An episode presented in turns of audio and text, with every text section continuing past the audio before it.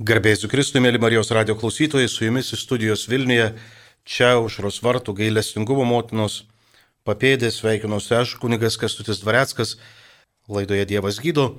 Šią valandą praleisime priklausomybių temomis, kurios mm, kažkaip vis iš naujo iškyla skausmingais pavydalais, skausmingais klausimais, naujais veidais mūsų krašte, mūsų visuomeniai, mūsų parapijose ir mūsų šeimose. Ir kas kart susidūrę su priklausomybė, patiriantį žmogų, mes esam pasirinkimo akivaizdoj. Ką daryti? Ar turint akis nematyti, ar turint ausis negirdėti, bet ateina ta riba, kur jau nematyti ir negirdėti negali, ypač jeigu ta lyga paliečia šeimos narį, ypač jeigu ta lyga paliečia mm, patį asmeniškai. Kaip deramai reaguoti, remiantis krikščionybės mokymų, reiškia į gyvenimą vedančių mokymų, išgyventi pradedančių mokymų. Tai šiandien pagalvojau remtis Šventojo Jono Pauliaus antrojo tekstais, e, kuris e, tikiu ir tikiuosi, kad daugeliu mūsų vis dar yra autoritetas. Nes kartais nutinka, jo girdžiu, taip pat ir bažnyčioje sakant, ai čia tik nuomonė, ai čia jūs advokataujat, ai čia jūs kažkaip kitaip pateikėt informaciją, negu jinai yra. Tie mitai apie priklausomybę patiriančius asmenis yra labai labai gajus ir giliai suleida šaknis. E, dėl to norisi kažkaip remtis šiuo didžiu šventuoju, remtis jo palikimu, kuris gali padėti ir mums nenužmogėti sudėtingų situacijų akivaizdoj, kuris gali padėti ir mums atrasti deramą laikyseną kenčiančio žmogaus akivaizdoj. Žinot, čia vienas lengviausių būdų turbūt yra stovėti ir moralizuoti, jaustis visą galvą pranašesniam, daryti išvadas, aiškinti žmonėm, kaip jiems gyventi, e, bet tai niekur neveda. Tapsim fariziejais, tapsim moralizuotojais, kurie pabrėžia išorę, bet viduje, kaip sako viešpa šventam rašte, yra pilni sugėdimų. Kaip apsaugot e, tyrą širdį, o juk tyra širdžiai regės Dievas, sako raštas, kaip apsaugot blaivę galvą sudėtingų gyvenimiškų lygčių akivaizdoj. Tai pirmiausia, Jonas Paulius II sako, jog labai svarbu suvokti, kad nesvaigalai yra pagrindinė problema. Dažnai priklausomybė atveju mes galvojam, jog konkretus svaigalas ar svaigalų grupė yra problema ir ją paėmus, ją uždraudus, ją kažkaip išmetus iš vartojimo, tada jau kažkaip problemos įsispręs. Tai Jonas Paulius II sako, pagrindinė priežastis stuminti jaunimą ir suaugusiuosius į pražutingą svaigalų patirtį yra aiškių ir įtikinamų motyvų gyventi neturėjimas. Iš tiesų, kai nėra orientyrų, kai trūksta vertybių, kai esi įsitikinęs, jog niekas neturi prasmės, kad neverta gyventi, būties tragizmo ir nevilties jausmas gali sugundyti absurdo visatoje besiblaškančių žmonės griebtis šios nepaprastos ir desperatiškos gudrybės. Taigi priklausomybė labai dažnai atranda kelią į mūsų gyvenimus tuo met, kai mes nustojam krypties, kai mes nustojam motyvų gyventi, kai mes paminam, paneigiam visus autoritetus, kai atsitrenkiam į būties tragizmą, kai neviltis daugeliu situacijų pakerpa sparnus, pakerpa jėgas, ir mes pradedam trepsėti vietoj. Tai pagrindinė priežastis Šventojo nuo Paulius antrojo teigimu yra aiškių ir įtikinamų motyvų gyventi neturėjimas. Taip supaprastinant, galima sakyti, kai neturi dėl ko gyventi, tada ne, e, neturiu dėl ko ir mirti, tada nebaisu ir mirti. Priklausomybė vis tiek yra cheminė ar kitais būdais pasiekta kažkokia nejautra ir užsimiršimas. Tęsiant toliau, daugelis psichologų, sako Jonas Paulius II, teigia, kad priklausomybės fenomeno priežastis yra ir vienatvės, ir nekomunikabilumo jausena. Deja, slegianti visą šio laikinę triukšmingą ir bevardę visuomenę, netgi ir šeimą. Privalome pripažinti, kad artumo su Dievu, tikėjimo stygius skatina griebtis kvaišalų, savo valia pradėti kelionę iš kurios dažnokai nebegrįžtame siekiant užsimiršti, nebesusivokti, išsisukti iš nepakeliamos padėties. Taigi santykiai, artimi santykiai vieni su kitais ir su Dievu yra priešnodis visoms priklausomybėms.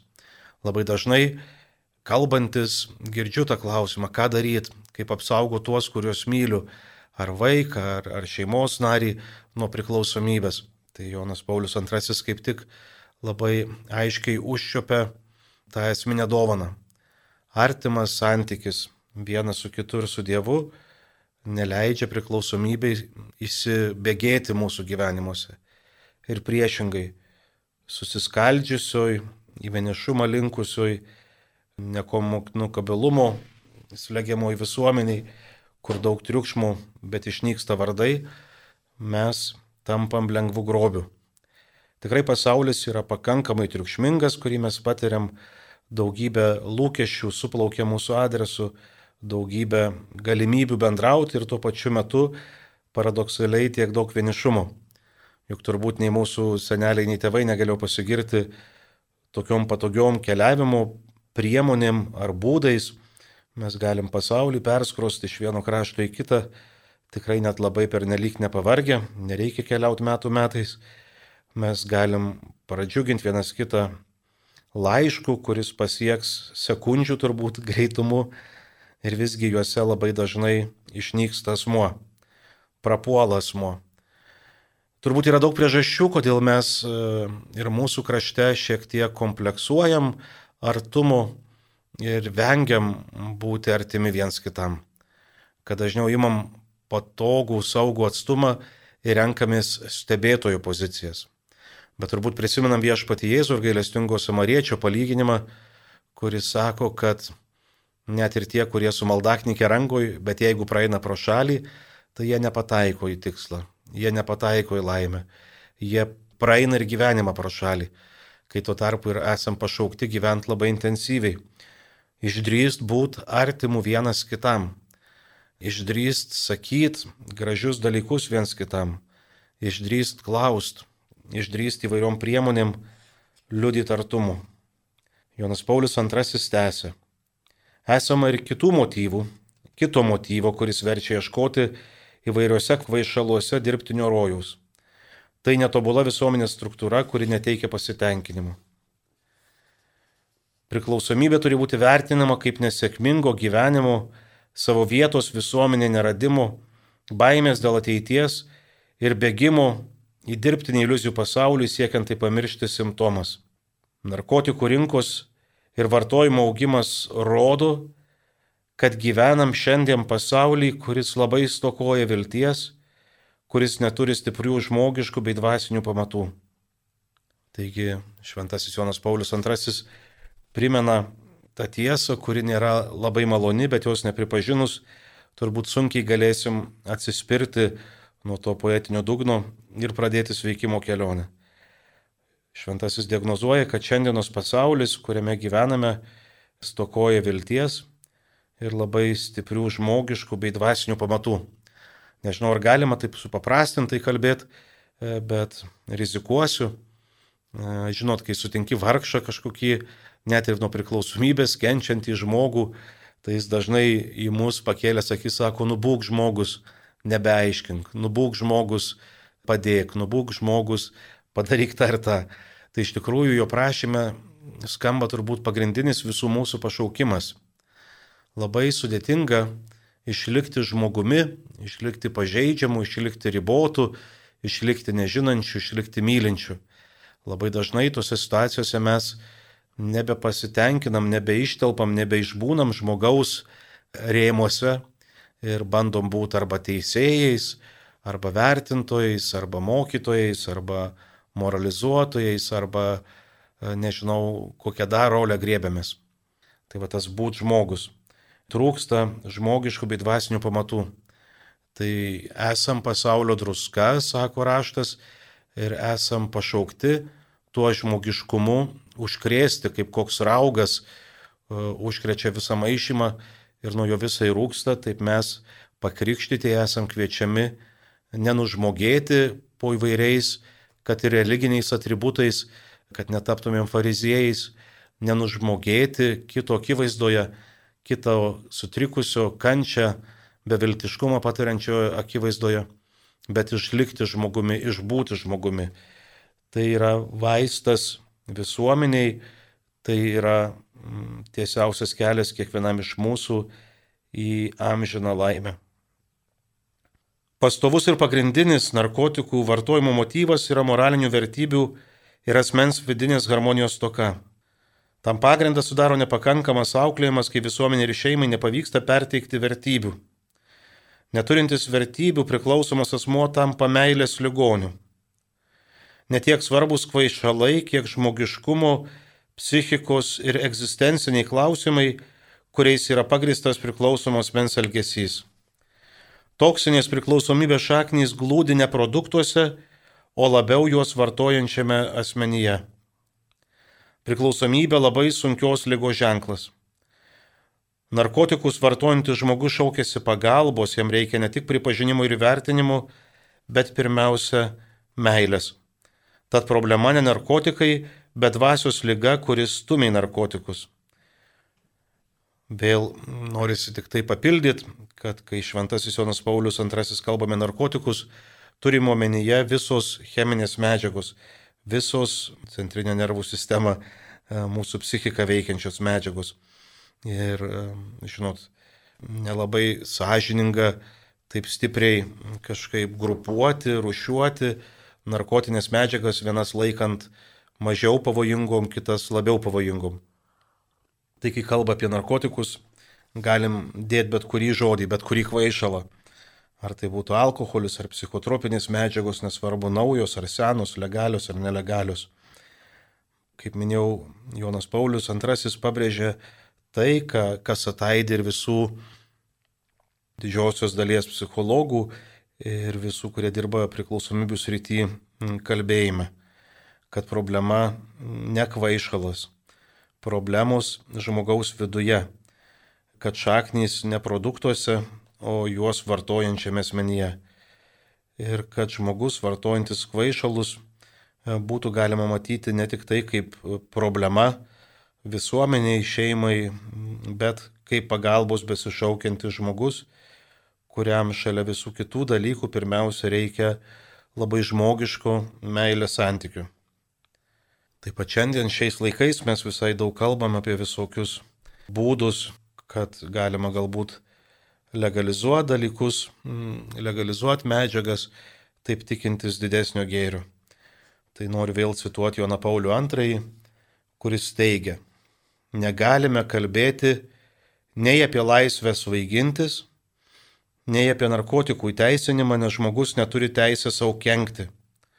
Jis negali ir niekada neturi įsižadėti savojo orumo, kuris yra Dievo dovana. Deja, turime pripažinti ir tai, kad narkotikai negali būti įveikiami narkotikais. Narkotikų pakaitalai nėra pakankama terapija jie tai yra atsisakymo spręsti problemą užmaskavimas. Kalbėdami apie narkomanijos įveikimo galimybės turime įskirti tris kelius - prevenciją, kovą ir reabilitaciją. Prie šios citatos norėtųsi šiek tiek staptelt. Iš tikrųjų, kartais ima atrodyti, kad legalizuot ir gerb žmogaus laisvę žudytis yra tokios liberalėjančios visuomenės bruožas. Tai Šventasis Jonas Paulius II kuris tikrai bent jau man yra didesnis autoritetas nes, negu šiandien kalbantieji kartu sudėjus, primena pamatinę tiesą, kad žmogus neturi laisvės save žudyti. Žmogus sukurtas orus, sukurtas pagal Dievo paveikslą ir panašumą, apdovanotas gyvenimu ir yra pašauktas gyvent, o nemirt. Ir kad neturim kažkaip kalbėti, nuvertinti priklausomybių grėsmės, narkotikų grėsmės, kad tai yra, kaip Jonas Paulius II teigia, kelias, iš kurio ne visuomet grįžtama.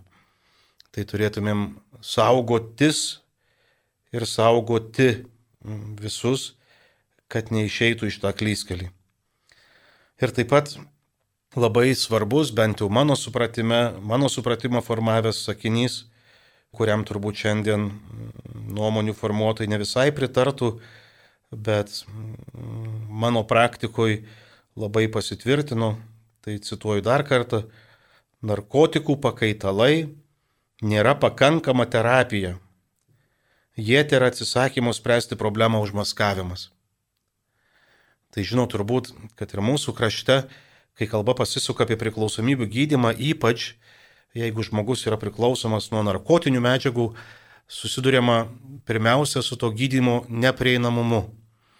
Jeigu žmogus sugalvotų gydytis pagal tai, ką sako Jonas Paulius II, ten kova, reabilitacija, ten ir, ir visi kiti procesai, tai pirmasis toks lengstis yra detoksikacija, kad žmogui būtų mediciniškai padėta iškesti abstinencijos simptomą, būtų gydomas, dažniausiai tai trunka porą savaičių, tai bent jau mūsų sostiniai Vilniaus mieste mes turim dvi lovas skirtiems nuo narkotikų priklausomiem žmonėm.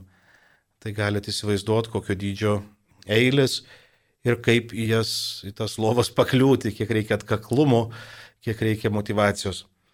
Tada apie Minnesotos programą turbūt iš vis sunku kalbėti, apie jos prieinamumą. Daugelis, kad, kas bandėt, vis skambinat ir sakot, tą patį paliūdėt, ką ir aš patiriu, kad tas prieinamumas yra stringantis, šlubuojantis ir nereiktų savęs apgaudinėti, bet kur nėra eilių, tai pakaitiniam gydime, kaip šiandien vadinama, tai narkotikų gydime narkotikais. Tai dažniausiai yra metadono programos, kurios e, taip skambiai dabar pervadintos prieš keletą metų farmakoterapijos kabinetais, nors su terapija ten daug reikalų bendrų nėra. Tai Jonas Paulius II šventasis sako, narkotikų pakaitalai nėra pakankama terapija. Jie yra atsisakymas spręsti problemų užmaskavimas. Esam kviečiami nebemeluoti savo ir neapsigauti. Tikras gydimas prasideda, kai žmogus atsisako kvaišalų, o ne vienus kvaišalus keičia kitais. Svarbu įsisamoninti, sako Jonas Paulius II, kad negalim kovoti prieš narkomanijos apraiškas, negalime veiksmingai gydyti bei reabilituoti narkotikų aukų, nepuoselėdami žmogiškų meilės ir gyvenimo vertybių, nes vien jos gali mūsų egzistencijai suteikti prasmingos pilnatvės. Narkomanijos nenugalėsime vien sanitarinėmis ar teisinėmis intervencijomis, visų svarbiausia - kurti naujus žmonių santykius kurie, remtų, kurie remtųsi dvasinėmis ir emocinėmis vertybėmis. Bažnyčia tokioje situacijoje turi pasiūlyti meilės terapiją. Taigi Jonas Paulius II grįžta prie to, kuo ir pradėjo šį svarstymą, kad mes esam dovanoti vienas kitam ir mūsų gale slypi bendrystėj. Kai mes peržengdami save, savo baimę, savo kompleksus, savo egocentrizmus, tiesim vienas į kitą rankas ir draugė ieškom Dievo, jis pats yra ir veikia tarp mūsų. Kai mes pasukam savęs įtvirtinimų keliais, mes girdim priminimą klausytojos, kad iš pagalbos ieškoti Jėzuje Kristuje. Tai labai ačiū už pastebėjimą, kaip tik apie tai e, Jonas Paulius II ir kalba, šventasis Jonas Paulius II. Tik žinot, vėl kartais tie mūsų tokie gražus pasakymai yra labai talpus, kad mes, žinot, sakom, nu ten, tėvynė, meilė, tiesa, Dievas, Kristus. Ir, ir o kaip iki to daeit žmogui, kuris kasdienybei sunkiai pakelia akis, kaip iki to Kristaus dasibrauti, iki to gydančio artumo.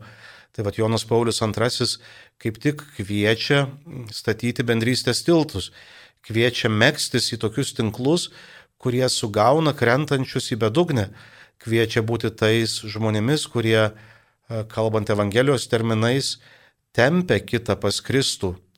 Kartais netardydami stogus, reiškia elgdamiesi nebūtinai labai raidiškai ar labai gražiai, kad kovoti už kitą žmogų, kovoti už jo sustikimą su Kristumi. Tai, žinau, tikrai negalima nusimesti atsakomybės Labai didelį įspūdį man paliko ir tokių, kad visiems, kurie susidūrė, buvo toks profesorius Juraitis, kunigas daug metų tarnavęs Šveicarijoje, o ir mūsų krašte. Tai sakydavo, kad kartais mes krikščionys e, Dievą naudojam vietoj šiukšliadėžės, kad mes sumetam viską į ten, ko nenorim patys. ko nesuprantam savyje, kur vengiam prisimti atsakomybės, tada naudojam kaip šiukšliadėžę. Tai sako, nu va čia yra nepagarbus santykis su Dievu. Neturėtumėm Dievu teisintis savo kažkokio neveiksnumo. Neturėtumėm Dievu dangstytis, neturėtumėm Dievu kažkaip manipuliuoti, o priešingai. Dievui padedant imtis iniciatyvos. Dievasgi mūsų neprašo, kad būkite geri, nieko blogo nedarykit ir čia jau tuo gali džiaugtis, nuo tuo jaustis teisūs. Kartais tas sutinkama bažnyčiose, kai žmonės sako, va, čia nebuvau iš pažinties tiek metų, bet nieko blogo nepadariau, esu geresnis už likusią visuomenės dalį. Tai nei geresnis, nei blogesnis. Dievas sako, darykit ir labai daug gero, didesnį gėrį negu galite įsivaizduoti, duokit savęs negailėdami, gyventi labai intensyviai Kristaus pavyzdžių, juk Kristus netėjo, kad jį nešiotų ant rankų jis ten stebėtų ir vertintų pagal savo dieviškas kažkokias lenteles mūsų vargų. Jis atėjo ir tapo mums atramą, jis prisimė mūsų vargus, jis tapo mūsų bendra keleivių. Tai Jonas Paulius II kaip tik prieš tai aptartoj citatui ir sako, kad mūsų užduotis yra nemojuoti kažkokiais skambiais pareiškimais, bet kurti naujus žmonių santykius, kurie remtųsi dvasinėmis ir emocinėmis vertybėmis. Kad mes esam pašaukti pradėti nuo savęs, su tai žmonėmis, kuriuos Dievas mums dovanoja ponosim, kuriuos dovanoja sutikti, elgti žmogiškai mėgsti santyki, kurti santyki, kur vertybė būtų ne nauda, vertybė būtų ne savęs įtvirtinimas, o vertybė būtų dvasinė ir emocinė bendrystė, vertybė būtų įgalumas. Taip pat sako, mes kaip bažnyčia turim pasiūlyti meilės terapiją. Kartais mes kaip tikinčiųjų bendruomenė, o žmonės ir sako, bažnyčia žiūrėdami į mus, Kristų išpažįstančius, sunkiai galim pasiūlyti tą meilės terapiją pasauliui, nesvarbu, kokias problemas įspręstų. Kartais mes susimam e, labiau tokiu moralizavimu ir kažkokiu jaučiamės geresni, mm, jaučiamės teisesni. Ir taip įsidvokiam, kaip ta druska, kuri netenka surumo. Taip netenkam e, tos meilės jėgos, kuri gali perkeisti pasaulį. Tai sako, mūsų pirminė užduotis iš kurios gali kilti visos kitos užduotis, bet ją pametus mes turėtumėm užšiauti burnas, barstytis pelinais galvas ir pulti ant kelių prieš viešpatį mūsų išganytoją ir gelbėtoją. Tai pirmoji užduotis mylėti, o tik paskui kalbėti. Kai mes kalbam vieni kitiem, nesvarbu net jeigu formaliai esam teisūs, bet be meilės, tai nėra krikščioniškas kalbėjimas. Tai nėra pasaulį keičiantis ar gydantis kalbėjimas. Toliau Jonas Paulius II tęsė. Tačiau svarbiausia prevencija bendruomeniai buvo ir išlieka šeima. Pasaulyje ir visuomenėje, kur grėsia vis didesnis nuosmeninimas ir iš to išplaukiantis vis didėjantis nužmogėjimas, kurio padariniai yra įvairios negatyvios bėgimo nuo visuomenės formos, tarp jų ir šiandien aptariamas piknaudžiavimas narkotikais, tik šeimoje sutelkta didžiulė jėga galinti išgelbėti žmogų nuo nuosmeninimo. Taigi Jonas Paulius II šventasis, kurio pavyzdžių bažnyčia kviečia mus sekti, primena mūsų šeimų svarbą. Kartais mes, žinot, kažkaip norėdami nusimesti atsakomybę, reikalaujam iš kažkokių visuomeninių struktūrų, kad jos imtųsi spręsti dalykus, kad jos atliktų taiklę prevenciją, apsaugodami mums brangius žmonės nuo įvairių lygų. Yragi ne tik priklausomybės, yra ir onkologinės ir visokios kitos lygos. Tai Jonas Paulius II sako ne. Pirma vieta, kuri duoda tikrą imunitetą, ta vidinė gali yra šeima. Ir kad mes kovot turim turbūt labiau ne tiek su išorės priešais, tikrais ar, ar įsivaizduojamais, kiek savo viduje.